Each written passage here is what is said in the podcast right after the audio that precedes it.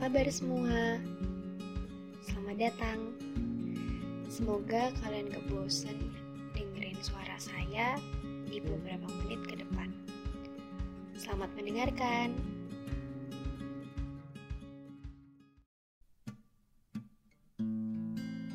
Masa lalu, jahat atau baik? Buat sebagian orang yang punya masa lalu indah, pasti bilang masa lalu itu baik. Buat sebagian lainnya yang punya masa lalu kurang mengenakan, pasti bilang masa lalu itu jahat. Apa sih sebenarnya yang jadi acuan buat menilai masa lalu? Apa dari semua kejadian yang pernah terjadi? Atau dari orang-orang yang berperan di dalamnya? Saya rasa mungkin keduanya, karena saling timbal balik sih. Coba aja dulu gak ketemu sama dia, pasti gak akan gini. Atau coba aja dulu gak lakuin itu, pasti gak akan ketemu dia. Ternyata sebuah kejadian dan juga kehadiran seseorang sudah jadi satu paket yang menjadikan masa lalu itu ada. Paket yang bisa kasih keindahan, tapi juga bisa sekaligus kasih rasa sakit. Kadang rasanya nggak adil. Kenapa kenangan yang menyakitkan benar-benar terekam dengan sangat detail? Beda gitu sama kenangan yang indah. Masa lalu yang indah cenderung cuma lewat aja. Ingat sih memang tetap jelas dan membekas juga. Tapi nggak bisa sejelas yang menyakitkan. Hal-hal kayak gitu pasti nggak cuma saya aja yang ngerasain kalau benar-benar mengganggu. Entah itu wajar atau enggak, tapi yang menyakitkan memang selalu meninggalkan bekas. Ya kayak misal tangan kita kena sesuatu barang yang bikin luka. Pasti bakal ada bekas atau tanda di situ. Tapi kalau misal tangan kita dipegang sama orang yang kita sayang, seneng kan pasti. Tapi nggak ada bekasnya gitu, nggak ninggalin tanda yang kelihatan di mata.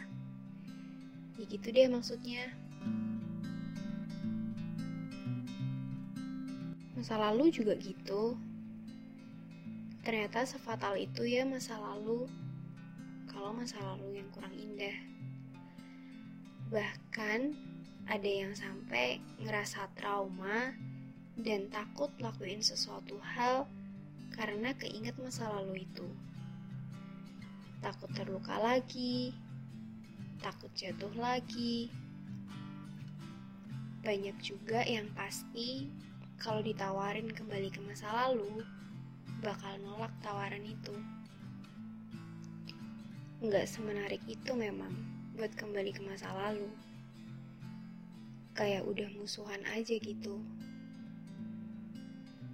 Tapi dibalik semua keburukan masa lalu, saya bersyukur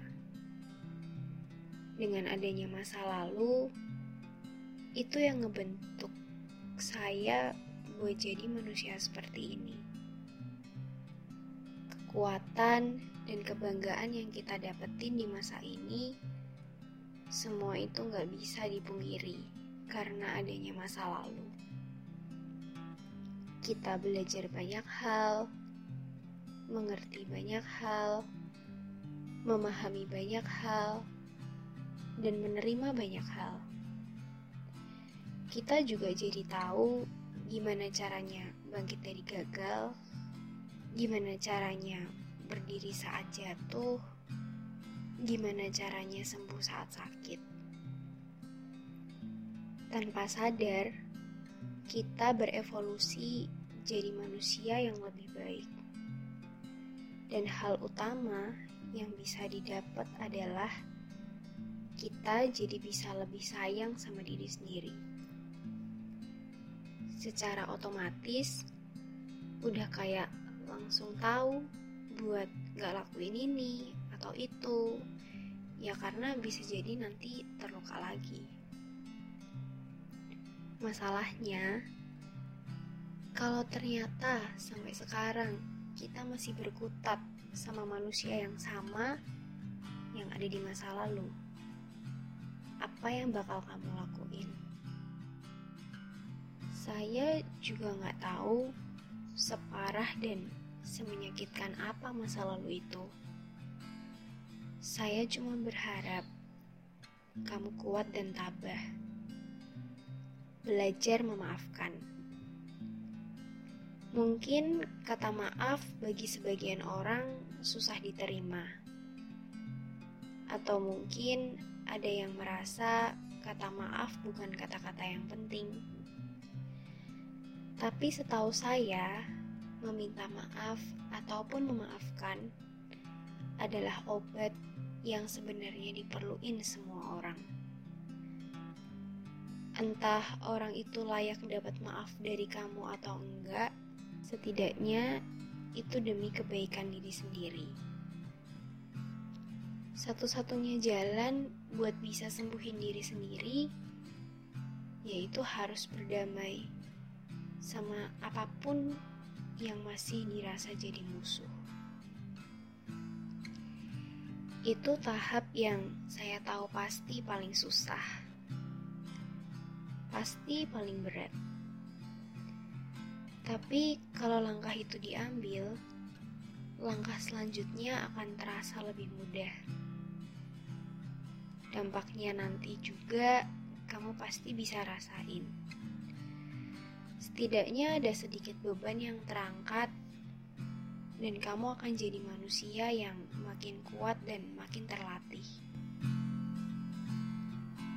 Buat yang udah bebas dari masa lalunya, selamat ya. Di depan sana pasti masih banyak hal yang bakal terjadi di luar kemampuan kita.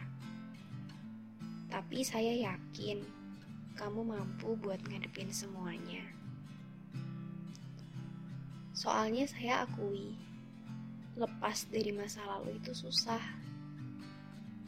Pulih dari rasa sakit itu nggak gampang. Perjuangannya itu berat.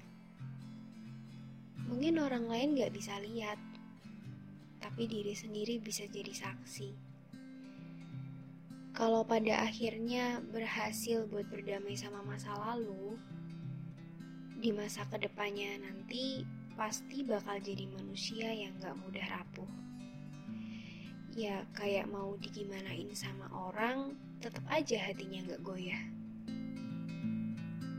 Di episode yang kemarin, di bagian akhir, saya bilang kalau harus percaya sama diri sendiri karena percuma kamu mau punya ribuan supporter, tapi kalau diri sendiri ragu, hasilnya juga nihil.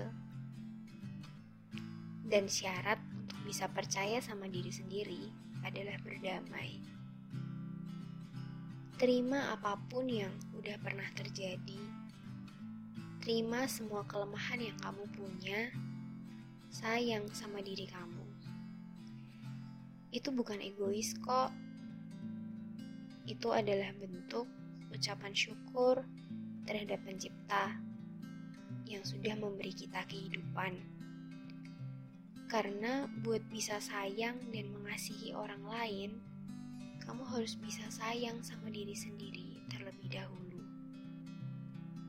Biarin aja masa lalu ada di belakang, tapi kita tetap melangkah ke depan dengan keteguhan hati. Yakin kalau diri kamu yang sekarang itu sudah berlipat kali ganda lebih kuat dibanding kamu yang dulu. Terus melangkah, jangan biarin apa pun menghentikan langkahmu.